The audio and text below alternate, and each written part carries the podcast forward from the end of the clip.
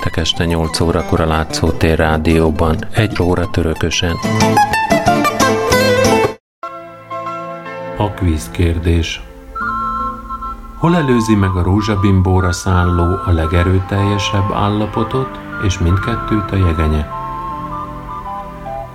A válaszokat a rádiókukaclátszótér.hu e-mail címre várom még egyszer a kérdés – Hol előzi meg a rózsabimbóra szálló a legerőteljesebb állapotot, és mindkettőt a jegenye?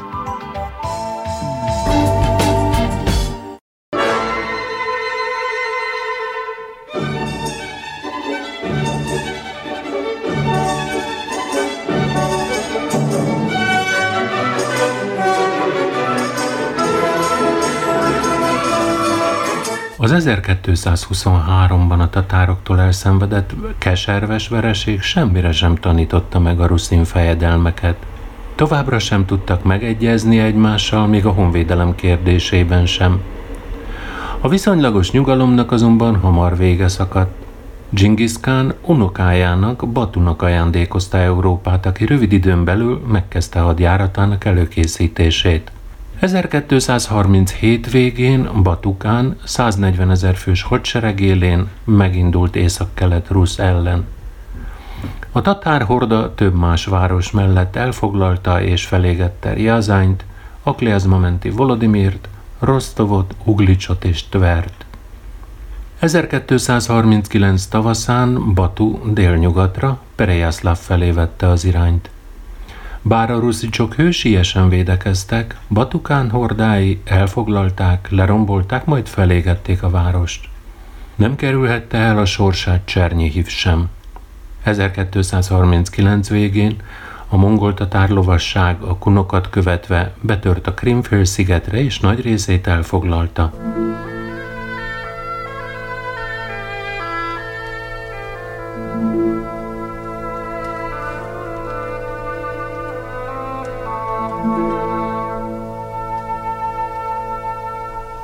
1240 végén Batu csapatai megközelítették és körülzárták Kiévet is. A felek közötti erőviszonyok egyenlőtlenek voltak. Batu éjjel-nappal faltörőkosokkal ostromolta a városfalakat, miközben ő maga is komoly veszteségeket szenvedett. Egy rövid ideig szüneteltek a harcok, amit a kieviek arra használtak fel, hogy megerősítsék a Desjaténna templom környékének védelmét. A védők a templomban kerestek maguknak végső menedéket, de annak boltozata nem bírta a hatalmas tömeget, és összeomlott. 1240. december 6-án Rusz fővárosa megadta magát. A mongolok elpusztítottak mindent, ami az útjukba került. Füstölgő falvak, emberi holtestek tízezrei maradtak utánuk. Kiev 40 kőtemploma közül 5-6 maradt mindössze épségben – a város 50 ezer fős lakosságából pedig 2000. 1241 elején Batukán Voliny felé indult. A mongolokat legyengítették a korábbi hadjáratok, ezért Kremjanec és Daniliv lakóinak sikerült megvédeni függetlenségüket. Volodimirt, Kamjanecet, Izjaszlavot, Kolodjazsint és Luckot azonban elfoglalták. A Halics-Volinyi fejedelemség viszonylag kevesebbet szenvedett a mongol inváziótól, mint a rusz többi része. Hősiesen védte magát Zvenyihorod és Halics, de a tatárhordákat nem tudták feltartóztatni. Batukán ezután Lengyelországba és Magyarországra küldte csapatait. Krakó teljes felperzselése után 1241. április 11-12-én a mai Borsodabau Zemplén megye területén található Muhi mellett a tatárok döntő vereséget mértek negyedik Béla magyar király seregére. 1242-ben Batukán hirtelen befejezte nyugati hadjáratát, és Bosznián, Szerbián, Bulgárián és a Fekete-tengeri Sztyeppéken keresztül visszaindult a Volga mentére. A visszavonulás ürügyéül Ögödei Nagykán halála szolgált – Batu azért indult haza, hogy részt vegyen a nagykán választáson, a valódi ok azonban nem ez volt. Batukánnak a valóságban már nem maradt elég ereje ahhoz, hogy uralma alatt tartsa a meghódított kelet- és közép-európai országokat, csapatai kimerültek, és a veszteségei is túl nagyok voltak. A tatárjárás következtében azonban a kievírus megszűnt létezni.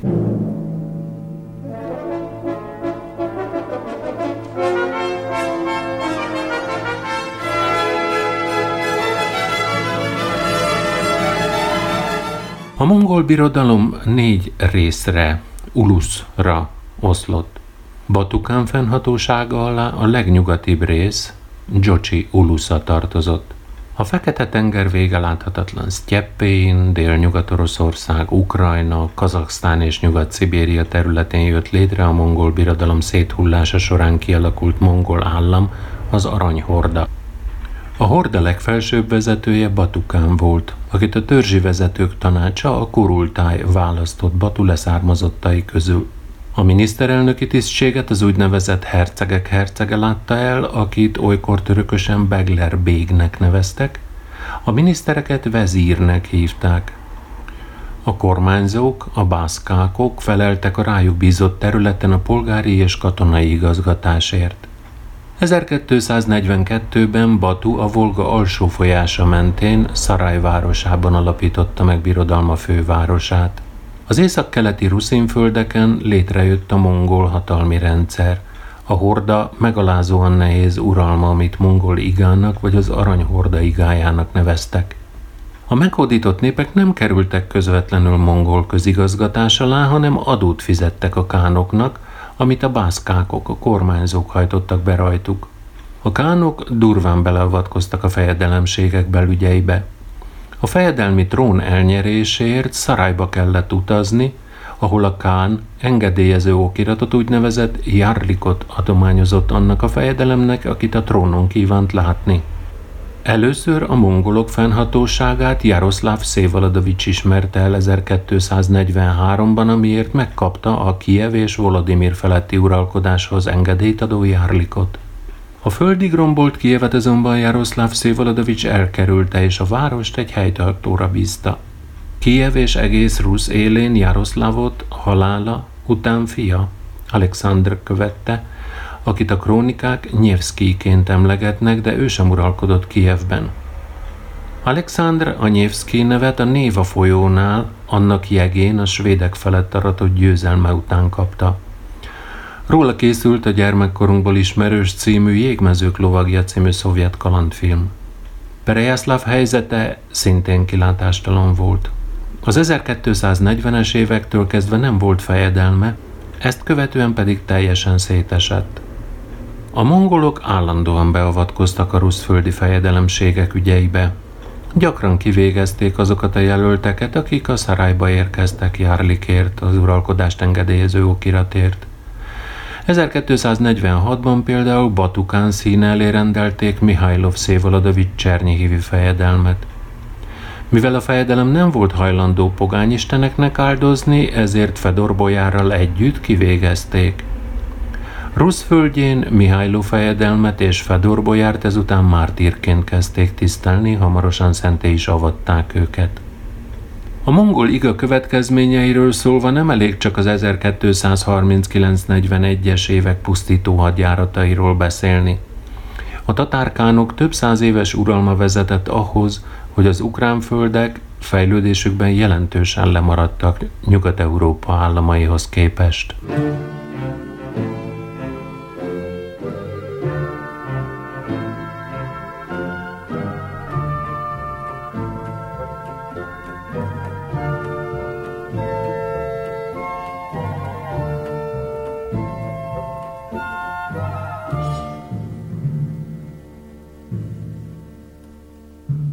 Halics-Volényi távolabb helyezkedett el az aranyhordától, ezért viszonylag jobb helyzetben is volt, mint a többi ruszföldi fejedelemség. Román halála után leszármazottai, a Romanovicsok újjáépítették országukat, erődítményeket emeltek. Megpróbálták elejét venni egy újabb tatárjárásnak. Danilo király jóságos, bátor és bölcs fejedelem hírében állt. Sok várost és templomot épített, aranyjal ezüstelékesítve fel őket. Jó testvér is volt, hisz forron szerette öccsét, Vasilkót. Jellemzi a krónikás a fejedelem király jellemét és tevékenységét. Danilo Romanovics az 1220-as években kezdett uralkodni Volinyban. Halics trónját 1238-ban szerezte meg, miután úrrá lett az apja román halálát követő ellenségeskedésen. Uralkodása idején egyszerre kellett szembenézni a Danilónak a külső és belső ellenséggel.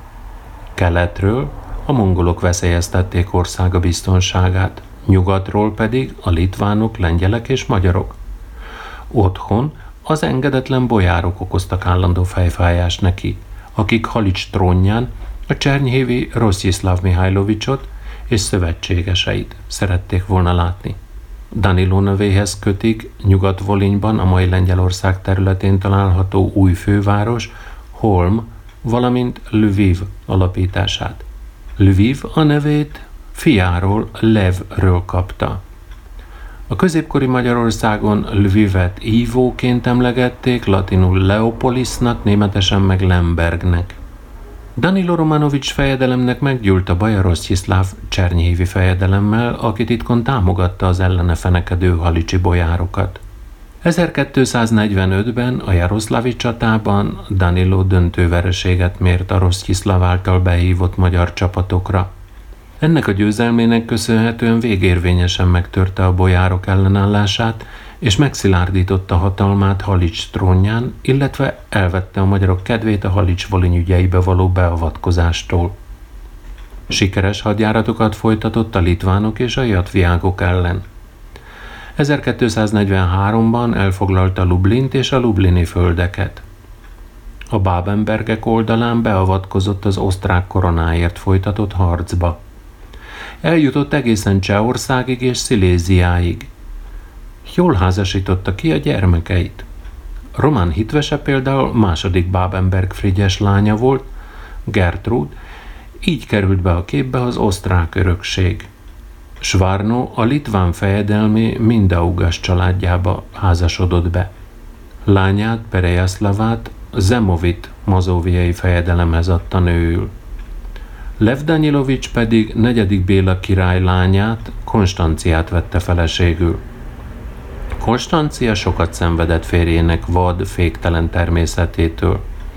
1266-ban özvegyen maradván a Sandrai zárdába lett apáca, ahol 1276-ban hunyt el. 1674-ben boldoggá avatták.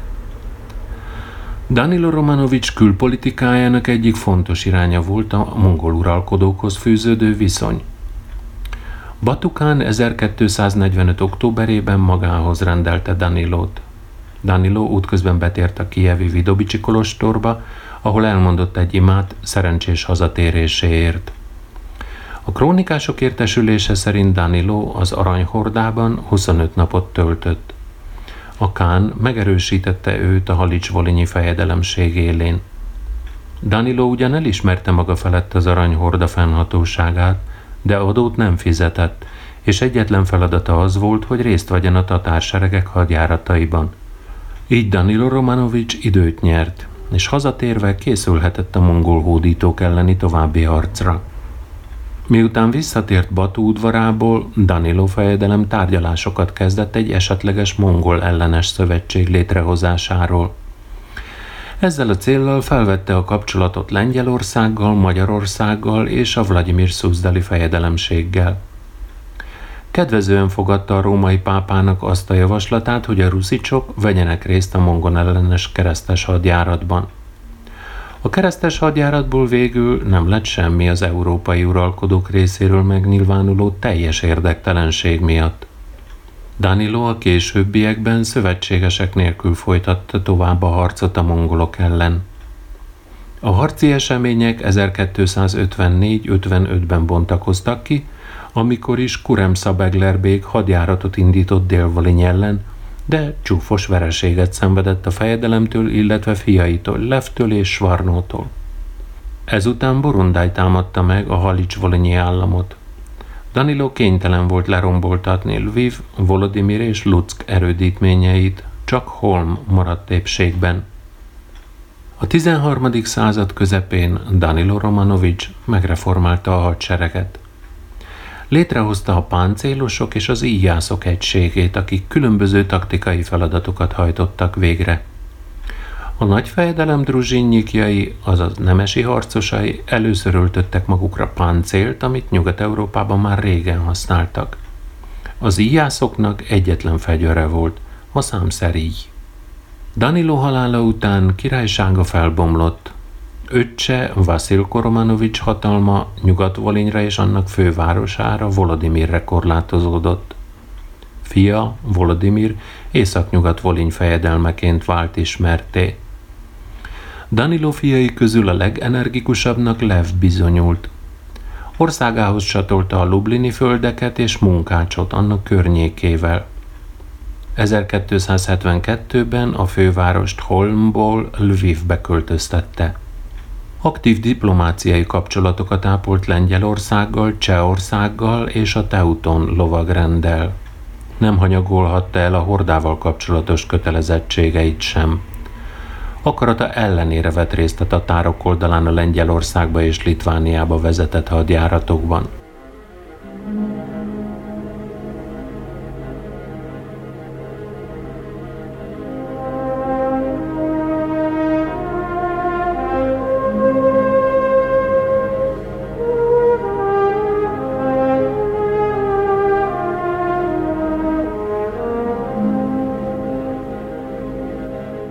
Halics-Volinyi állam következő uralkodója Lev fia és Halicsi Danyilo, illetve negyedik Béla magyar király unokája, első Juri Lvovics volt.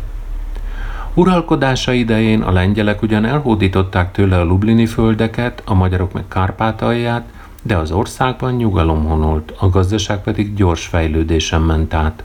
Bölcs és jóságos férfiú, az egyház pártolója, segítője, uralkodása idején Ruszban béke és bőség honolt írta róla a krónikás. A fővárost Lvivből Volodimirba, a mai Volodimir Volinszkiba helyezte át. Nagyapjához, Danilóhoz hasonlóan első Juri Lvovics viselte a Rusz királya és Volodimir fejedelme címet. 1303-ban a konstantinápolyi pátriárka beleegyezésével megalapította a Halicsi pravoszláv metropóliát. Egy újabb metropólia megalapítására azért volt szükség, mivel Maxim Kijevi metropolita 1299-ben rezidenciáját a Kliazmamenti Volodimirba tette át. Később a konstantinápolyi pátriárka egyesítette a Kijevi és a Halicsi metropóliát – az új metropolita Petro Ratenszki lett, aki 1308-ban a Kliazmamenti Volodimirban telepedett le. Röviddel később a Kievi metropólia központját Moszkvába helyezték. Első Juri trónját fiai Andri és második Lev örökölték, akik 1308 és 23 között uralkodtak, és Rusz fejedelmeinek nevezték magukat. Legfőbb céljuknak az aranyhorda elleni háborút tekintették, ezért jó kapcsolatokra törekedtek a Teuton lovagrendel és Lengyelországgal. A mongolokkal harcolva veszítették életüket is. A lengyel király római pápához írt levelében 1323. májusában a tatárok elleni áttörhetetlen pajzsnak nevezte őket.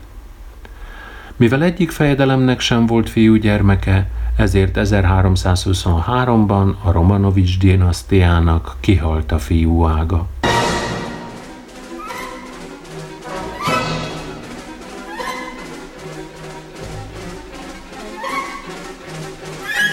...1325-ben a bojárok André és Lev nővérének Máriának a fiát, második Juri Boleszlavot hívták meg a trónra, akit Isten kegyelméből Rusz királyság földesuraként és fejedelmeként, illetve kis Rusz Isten kegyelméből született fejedelmeként említettek a krónikák. Második Juri Boleszláv 1325 és 40 között uralkodott. Nagyapja első Juri pecsétjét használta. Az új fejedelem szövetségre lépett a Teuton lovagrenddel Lengyelország ellen.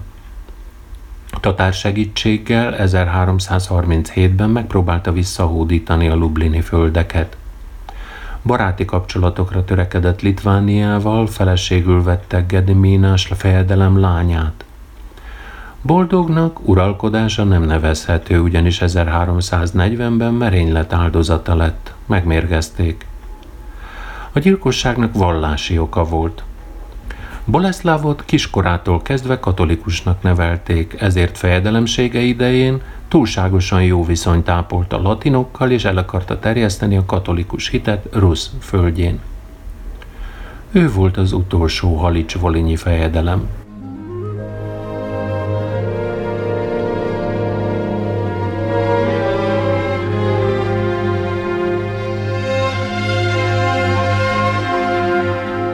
A fejedelem halála után a fejedelmi családhoz közel álló személyek és hivatásos katonák, a bolyárok, Lyubartot, Gedimínás litván nagyfejedelem fiát hívták meg a trónra, aki Andrei Jurjovics lányának volt a férje, Volinyban élt és tudott ukránul, áttért a pravoszláv hitre, ezért második Juri Boleszláv jogos utódjának tartotta magát. Ljubartnak azonban nem sikerült elfoglalni a Halics-Volinyi trónt, mivel Lengyelország és Magyarország királyai szintén harcot kezdtek a Romanovics örökségért. 1340 áprilisában, kilenc nappal második Juri Boleszláv halála után harmadik Kázmér lengyel király megtámadta Lvivet. Miután kirabolta a várost, sietve elvonult, mert a helyi bojárok a tatárokat hívták ellene segítségül – ezzel vette kezdetét a Halics-Volonyi államért folytatott háborúskodás. A lengyel király nem mondott le az ukrán területek megszerzéséről. Elsőként a Szjanki földeket sikerült elfoglalnia. 1340 és 49 között a Halicsi fejedelemség élén Ljubárt helytartójaként Dmitro Degyko bolyár állt, megőrizve így Halics viszonylagos függetlenségét. 1349-ben újra fellángolt a harc a Halics-Volinyi fejedelemségért. Harmadik Kázmér, Nagy Lajos magyar király segítségével elfoglalta Halicsot és Voliny egy részét. 1370-ben Kázmér meghalt, és Anzsú Lajos lett az új lengyel király, aki egyben Nagy Lajos magyar uralkodó is lett. A Halicsi, Belzi és Holmi területek 1377-ben egy korábbi megállapodás értelmében magyar fennhatóság alá kerültek. Voliny pedig Ljubart birtokában maradt. Nagy Lajos 1382-ben halt meg. Halála után a trónt lányai örökölték. A lengyelt Hedvig, a magyart pedig Mária. Hedviget a lengyelek szentként tisztelik. Második János Pál pápa 1997-ben avatta őt szenté Krakóban. A 13. század végén fokozatosan helyreállt a Halics-Folinyi államban a bolyárok befolyása. Különösen nagy hatalommal a halicsi bolyárok rendelkeztek, ugyanis Halicsban a bojári birtokok örökbirtokok voltak, míg Volinyban szolgálati birtokok. A halicsi bolyárok ezért sokkal magabiztosabban, igazi gazdák módjára viselkedtek a szülőföldjükön. A bolyárok körében tapasztalható gyakori villongások gyengítették a fejedelmi hatalmat. A romanovicsoknak nem sikerült megzabolázniuk őket, ezért a fővárost Halicsból Volodimirba tették át. A 14. század közepétől kezdve a bojárok támogatták a lengyel és magyar királyok harcát a Halics-Volinyi korona birtoklásáért. Cserébe továbbra is megőrizhették előjogaikat. A társadalom életében egyre nagyobb szerephez jutottak a városok. Mivel az aranyhorda viszonylag távol volt a fejedelemség határaitól, ezért a kereskedelem is kedvezőbb feltételek között fejlődhetett. Ez vonzóvá tette a tartományt a bevándorlók számára. A történelmi források szerint Lviv lakossága a 13. század utolsó negyedében és a 14. század első felében nagyon sokszínű volt. Éltek itt ukránok, németek, örmények, zsidók, tatárok. A bevándorlók magukkal hozták az új hazába szokásaikat, tudásukat, hitüket. Nekik köszönhető a városi önkormányzatot biztosító Magdeburgi jog elterjedése és a céhek létrejötte. Idővel a külföldiek meghatározó szerephez jutottak az ország életében. Lubárt Voliny fővárosát Volodymyr Volinszkiból Luckba helyezte át. Fejedelemségét a Kievirus és a Halics-Volinyi állam törvényei alapján irányította, támogatta a ruszin kultúrát, nyelvet, a pravoszláv vallást, a kereskedelem és kézműipar fejlődését. Luckban új erődítményt emelt, Ljubart várát.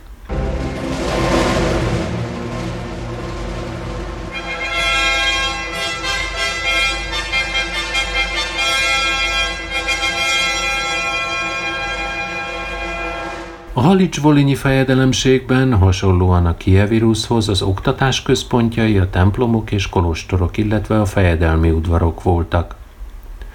Olvasni, írni, számolni tanultak itt a gyerekek. Elsajátították az ószláv írást és az egyházi énekeket is.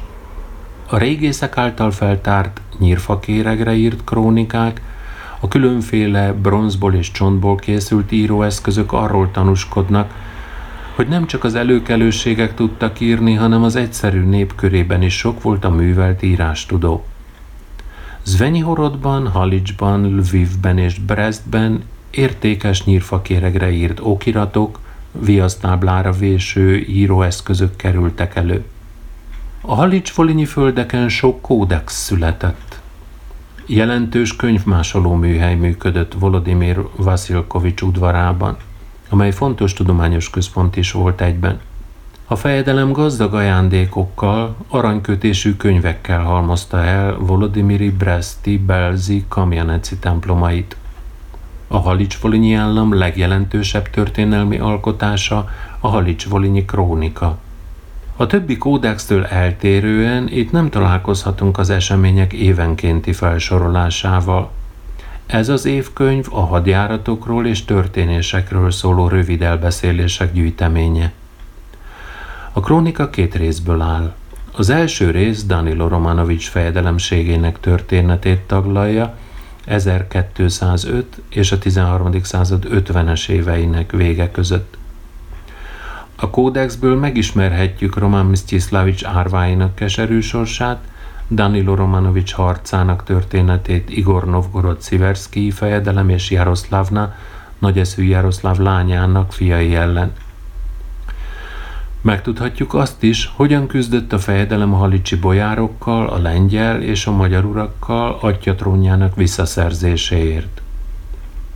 Danilót a krónikás jó, bátor és bölcs fejedelemként jellemzi – akinek nagyságát Sziatoszláv Igorovicséhoz és Szent Volodimiréhez lehet csak hasonlítani. A krónikás az erkölcsi tanításokat sokszor a nép életéből vett legendákkal támasztja alá. Ilyen például az ürömfőzetről szóló történet. Miután Volodymyr Monomach legyőzte Otrokkant, a kunok vezére elszakadt társaitól és a Kaukázusban telepedett le. Testvére, Szircsán egy dalnokot küldött hozzá, hogy az általa előadott énekek ne hagyják kihújni benne a hazai sztyeppék iránti vágyat. A kunok keserédes történetei azonban nem érintették meg a Kán lelkét.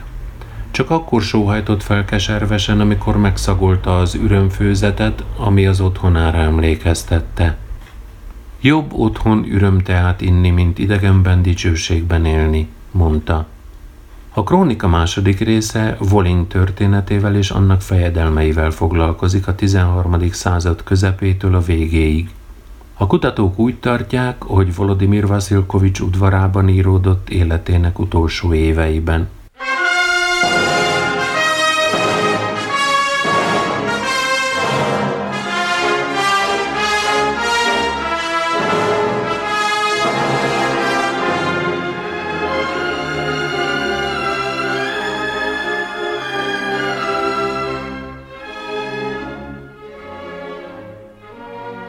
A Halics-Volinyi építészetnek volt egy sor sajátossága.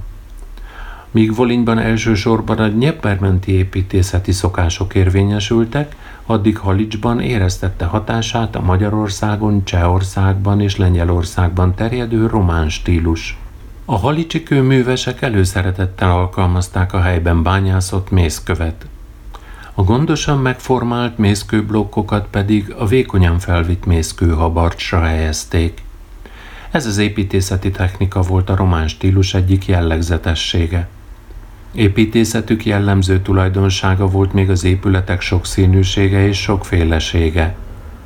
A falakat griffmadarakat, mértani alakzatokat és növényi motivumokat ábrázoló domborművek ékesítették. A halicsi földek építészete a 13. században élte fénykorát, a Romanovicsok idején. A székes fővárosokban ekkor kőből épült fejedelmi paloták, templomok, erődítmények épültek. A korabeli építészet legkiemelkedőbb alkotása a 12. század közepén épült Halicsi nagyboldogasszony székesegyház. A régészeknek az 1930-as években sikerült feltárni a székesegyház alapjait, ami valamivel kisebb volt, mint a Szent Szófia székesegyház. A templomot oszlopcsarnok övezte, falait pedig különböző domborművek díszítették. Grandiózus méreteivel méltán hirdette a halicsi fejedelemség nagyságát és uralkodójának, nagyeszű Jaroszlávnak a bölcsességét. A feltárt talapzatban a régészek megtalálták a dicső fejedelem szarkofágját is. A 13. század közepén meghatározó építészeti központán nőtte ki magát Holm. Sajnos ebből az időből egyetlen műemlék sem maradt fenn napjainkig. Halics egyetlen máig fennmaradt korabeli temploma a Szent Panteleimon. A templomot először világos sárga kőből építették.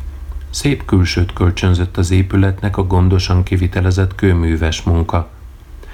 A simára csiszolt falak mentesek voltak minden díszítéstől. Voliny máig megmaradt építészeti emlékei közül a legrégebbi a Volodimiri nagyboldogasszony székesegyház, amely Mstislav Izjászlavics idején épült. Keresztkupolás rendszerű építmény, hasonlatos Kijev és Csernyihiv templomaihoz a 12. századból. Mintájául a barlangkolostori nagyboldogasszony székesegyház szolgált, bár a falai keskenyebbek voltak és különböztek az arányok is – a 13. századtól kezdve Nyugat-Volinyban kőből és téglából új erődítményeket, úgynevezett öregtornyokat emeltek. A volinyi öregtornyok építésével veszi kezdetét Halics-Volinyban a soktornyos erődítmények hagyománya, ami nyugat-európai irányzat volt. A máig fennmaradt holmi öregtorony Stov községben, a mai Lengyelország területén mészkőből épült, a ma Belorussziában található kamjaneci pedig volinyi téglából. Ezek az öreg tornyok általában őrtornyok voltak, de ha kellett, nagy távolságra el tudtak lőni a legfelső szintjeikről. A középső emeletet lakórészként használták, a Stovpi öregtorony ötödik emeletén pedig kápolna volt.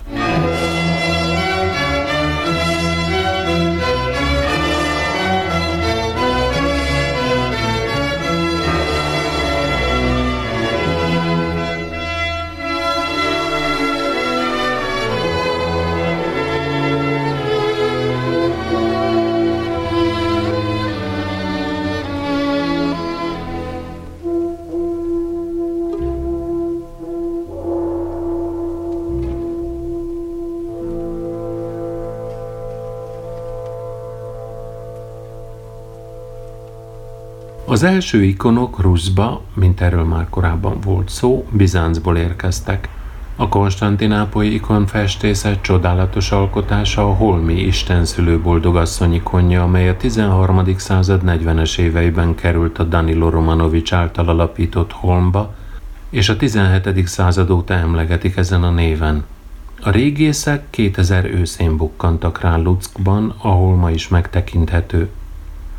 A holmi istenszülő boldogasszony ikonja nem csak Ukrajna, hanem Európa legrégibb és legtökéletesebb ikonja is egyben. A fejedelmi Ukrajna ikonfestészetének legjelentősebb alkotása a Dorohobuzsi istenanya ikonja. A 13. század utolsó harmadában készült Volinyban.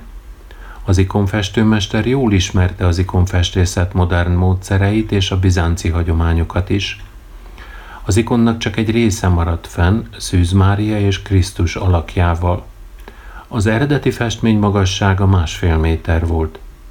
A Dorogobuzsi ikonhoz hasonló szellemben született a 14. század első felében Mihály és Gábriel arkangyalok teljes alakos ábrázolása, a ma Lengyelország területén lévő Daljava község Szent Paraszkéva templomában.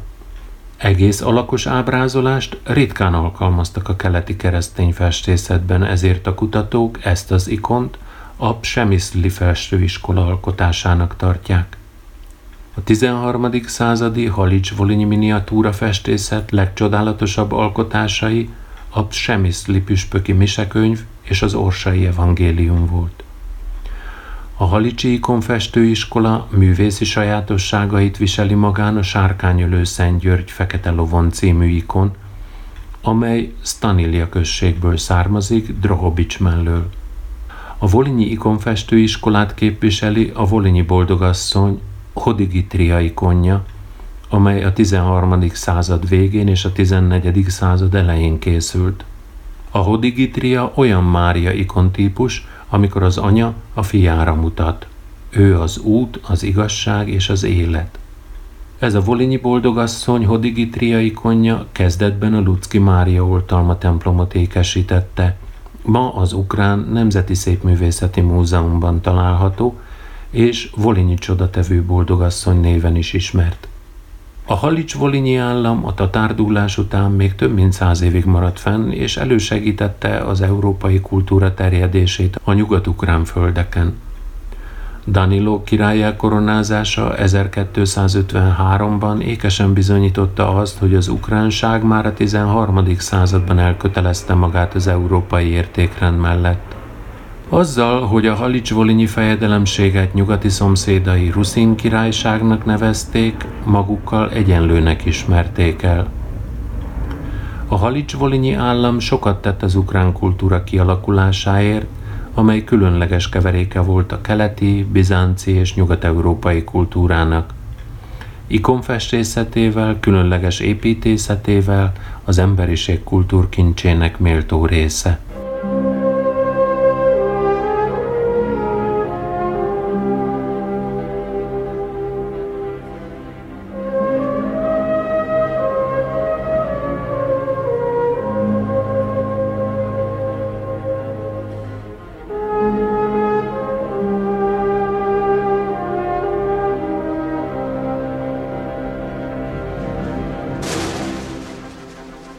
Egy évszázados harc után Magyarország, Litvánia és Lengyelország felosztották egymás között a Romanovicsok örökségét. Halicsot és Nyugat-Volint Hedvig lengyel királynő 1387-ben Lengyelországhoz csatolta. Az elfoglalt ruszin területek egy ideig autonóm jogokkal rendelkeztek Lengyelország keretei között. A korona célja azonban a halicsi földek teljes leigázása volt – ezért csak a lengyeleknek engedélyezte a kereskedést ezeken a vidéken, illetve támogatta az idegenek betelepedését és térhódítását.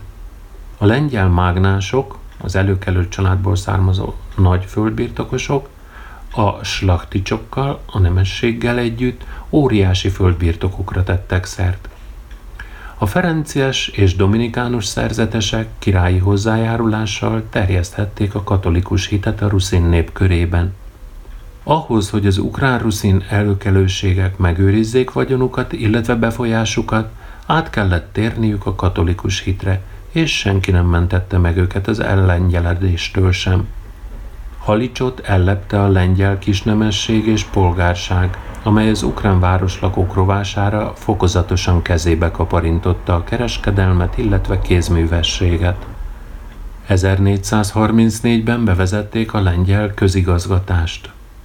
A Halicsi, Lvivi, Psemiszli, Szianszki földeket a Ruszin vajdaságba egyesítették Lviv központtal.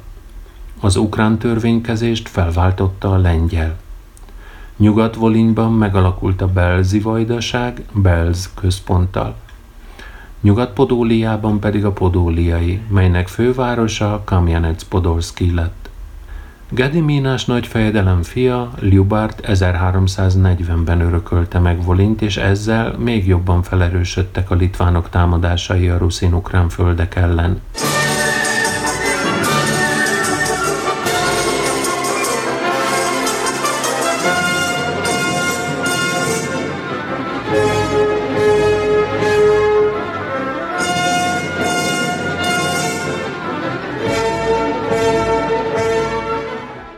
Litván nagyfejedelmi trónt 1345-ben Gediminas másik fia, Algirdas szerezte meg, aki fivérével, Kenstutissal uralkodott együtt az országban.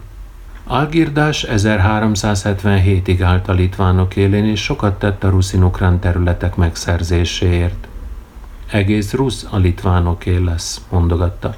Az aranyhorda ekkora hűbéri széttagoltság időszakát élte, és gyakorlatilag szétesett. Ezt használták ki a litvánok, és kiterjesztették országuk határait több ruszin tartományra. 1355-56-ban a Csernyihiv Sziverszkii földekre, 1361-62-ben pedig Kijevre, a Kijevi tartományra és a Perejászlavi földekre. 1362-ben Színyivodinál megütköztek egymással az ukrán és litván csapatok, valamint a tatárok. Algirdásnak sikerült legyőznie a mongolokat és a litván államhoz csatolni dél illetve Kelet-Podóliát is. A litván fejedelemség a 13. században jött létre, és első fejedelme mindaugás volt.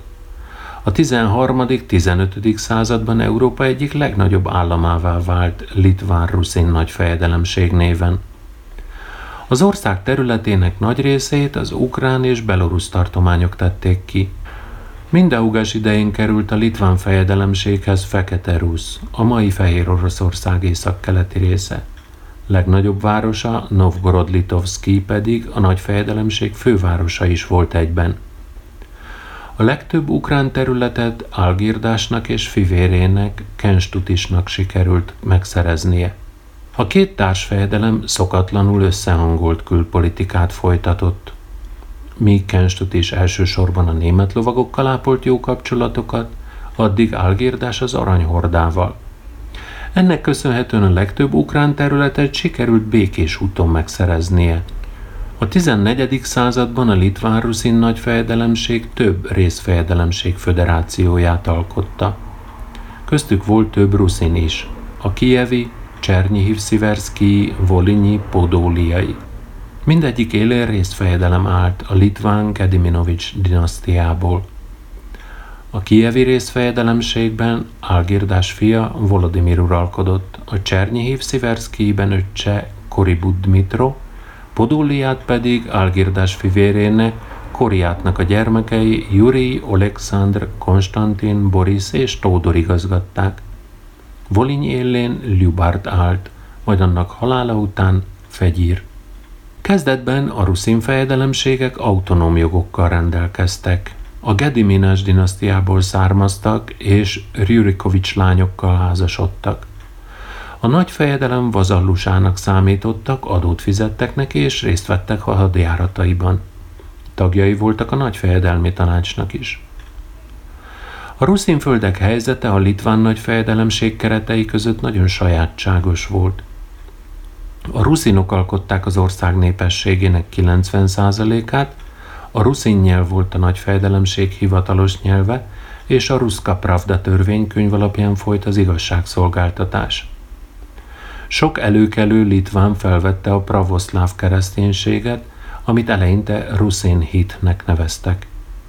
A ruszin fejedelmek és bojárok fontos szerepet játszottak az ország irányításában. A két fejedelmi, a Gedimonovics és Ryurikovics dinasztia pedig rokonságban is állt egymással. A 14. században tehát joggal beszélhetünk litván-ruszin államról. A litvánok meghagyták a ruszin részfejedelemségek jogait. Belpolitikájukban azt az elvet követték, hogy a régit nem bántjuk, újat pedig nem hozunk létre. A részfejedelmek pedig követték a kievi Ruszban kialakult szabályokat. 1363-ban Kiev fejedelme Algirdás fia Volodimir lett. Szerették és elfogadták a ruszinok, és Isten kegyelméből kievi fejedelemként emlegették. Pravoszláv vallású volt, a ruszin szokások szellemében nevelkedett és élt. Jó kapcsolatokat ápolt a helyi bojárokkal. Több hadjáratot vezetett a délen élő nomádok ellen, a fekete és azovi tengeri partvidékig szorítva vissza őket. Jó gazda volt, önálló fejedelemként viselkedett, saját pénzt veretett. A 15. század végén Lengyelország és Litvánia közös ellenséggel, a Teuton lovagrendel találta magát szemben, amely a balti tenger partvidékét tartotta ellenőrzés alatt. A litván hadsereget délen lekötötte a nomád hordák ellen folytatott harc, ezért képtelen volt egyedül feltartóztatni a német lovagok északi előrenyomulását. Bonyolította az amúgy sem egyszerű helyzetet az is, hogy északkeleten a moszkvai fejedelemség egyre nagyobb erőre tett szert. A fejedelemségen belül sem volt egyszerű a helyzet, mivel Jagello, az új nagy fejedelem, a szeniorátus megsértésével jutott hatalomra. A trón ugyanis nagybátyját, Kenstutist illette volna, aki harcot kezdett a jogos öröksége visszaszerzéséért.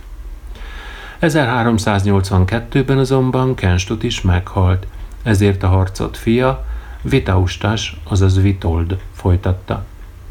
A lengyelek ekkor azzal a javaslattal álltak elő, hogy a két ország lépjen egymással personál unióra. 1385. augusztusában Litvánia és Lengyelország megkötötte a Krevói uniós szerződést, melynek értelmében Jagelló nagyfejedelem népével együtt áttért a keresztény hitre. Feleségül vette Hedviget, Lengyelország királynőjét, Nagy Lajos leányát, és 1386-ban második Ulászló néven lengyel király lett.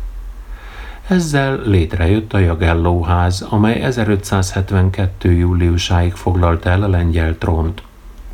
A létrejött personálunió Litvánia és Lengyelország között Közép-Európa keleti részének vezető hatalma lett. A lengyel és litván földek minden időkre a lengyel koronához tartoznak, ezután írta a krónikás. Ezt azonban második Ulászlónak nem sikerült elérnie, mivel szemben találta magát Vitoldal, a litván állami újjászületés elkötelezett hívével. 1392-ben megkötötték egymással az Osztrovi Egyezményt, melynek értelmében Vitold örökös litván nagyfejedelem lett.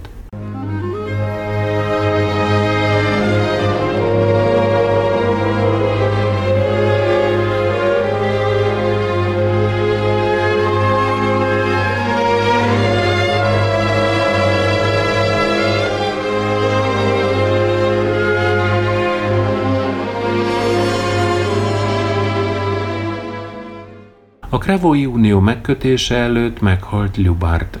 Fia, Fegyír már nem volt olyan elkötelezett híve a Halics-Volinyi állam újjászületésének, ezért hamar elveszítette a Volinyi trónt, és Voliny Litvánia fennhatósága alá került. A Krevói Uniót életesen elutasította Vitold örökös litván nagy fejedelem, aki országa függetlenségének megőrzését tartotta elsődleges feladatának. A nagy fejedelmet nyugtalanította a ruszin rész fejedelemségek autonómiája is, mivel hatalmának ellenségeit látta bennük. Elhatározta, hogy megszünteti őket, és a fejedelmeket jogaikban a bojárokkal teszi egyenlővé. 1393 és 95 között Vitold megfosztotta hatalmától Dmitro Csernyihiv Sziverszkii, Tódor Podóliai és Volodymyr Kievi részfejedelmeket. Az utóbbiak nem nyugodtak bele jogaik korlátozásába, és harcot indítottak a ruszin részfejedelemségek helyreállításáért. A 14. század végén az aranyhordában trónviszályok kezdődtek. Vitold a toktamiseket támogatta a trónért folytatott harcban. 1399-ben megütközött a Vorksla folyónál a tatárokkal, és csúfos vereséget szenvedett. A vesztes csata ellenére a toktamisek később hatalomra kerültek, és hálájuk jeléül ünnepélyesen lemondtak a litvánok javára történelmi jogukról a ruszin földekre. Vitold ereje a Vorkszlai vereség következtében meggyengült, ezért kénytelen volt kiegyezni a lengyelekkel. 1401-ben megkötötte velük a Vilnói megegyezést. A szerződés értelmében Vitold továbbra is litván nagyfejedelem maradt, halála után azonban a litván területek a lengyel koronára szálltak. Litvániai birtokait csak öccse Zsigmond és özvegye őrizhették meg. A sors kegyes volt Vitoldhoz, fokozatosan visszaszerezte hatalmát. Különösen megnőtt a tekintélye azután, hogy második Ulászló lengyel királya közösen 1410-ben vereséget mért a Teuton lovagrendre a Grünwaldi csatában. A Grünwaldi győzelem után a lengyelek kénytelen voltak engedményeket tenni a litvánoknak. 1413. októberében megkötötték a Horodlói Uniót. A szerződésben elismerték a litván nagyfejedelem hatalmát a lengyel király fensősége mellett, leszögezték továbbá azt, hogy a két országot érintő kérdésekben a lengyel és a litván nemesség együttműködése szükséges, amivel biztosították Litvánia különállását. A ruszinokat az unió hátrányosan érintette, vezető kormányzati pozíciókat a nagy fejedelemségben csak katolikus litvánok tölthettek be.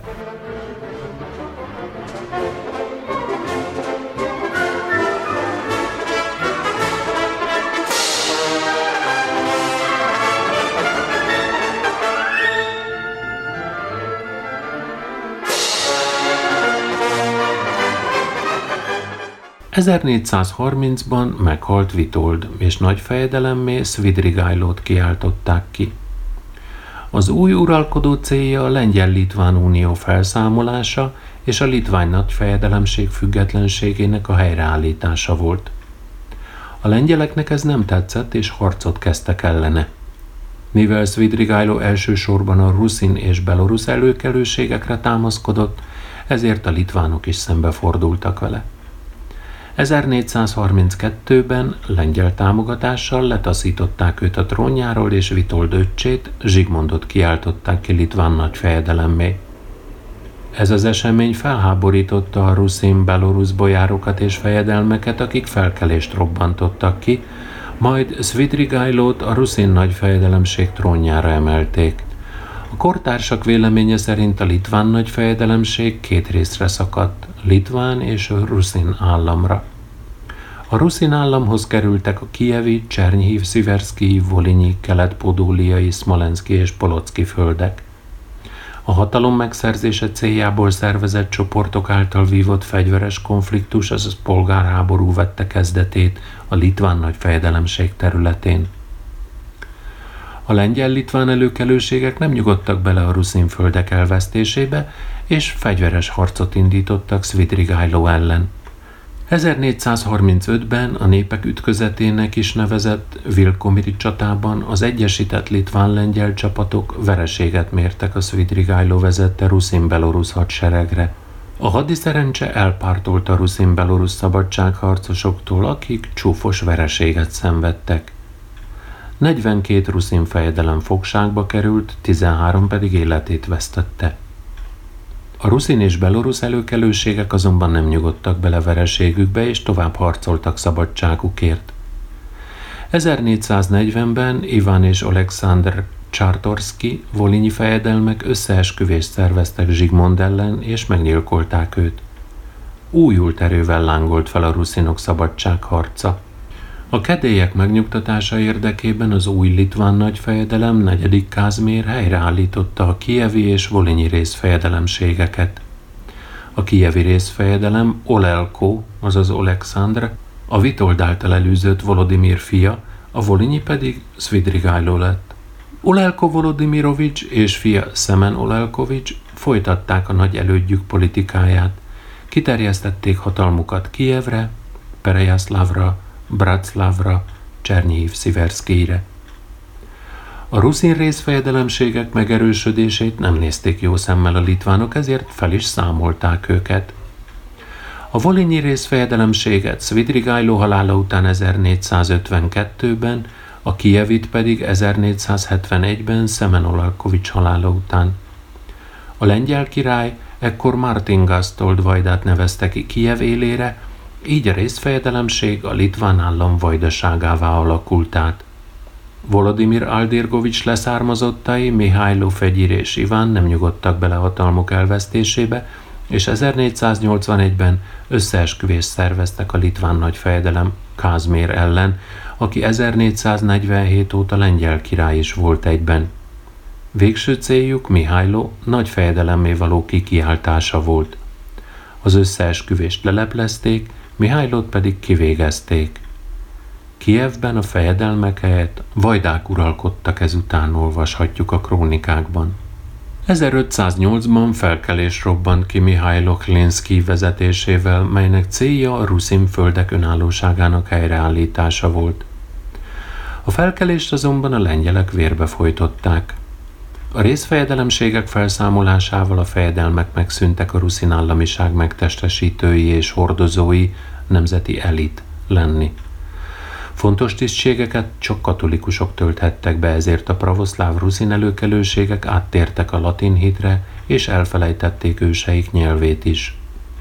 A fejedelmek leszármazottai így elveszítették nemzeti gyökereiket. A nemzeti elit hiánya akadályozta a ruszin államiság fejlődését. A szomszédos államok támadásainak visszaveréséhez, illetve saját nemzeti azonosságuk bizonyításához, megvédéséhez a ruszinságnak szüksége volt egy olyan társadalmi rétegre, amely képes vezetni népét államiságának megvalósításában. A tenger melléken már kialakulóban volt ez az erő, és kozákságnak nevezték el a történelemben.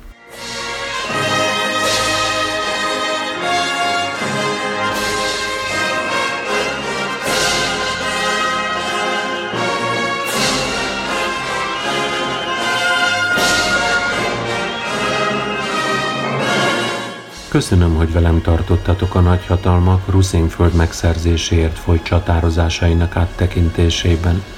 Péntek este 9 óra lévén a hétvégét ezennel ünnepélyesen elrendelem.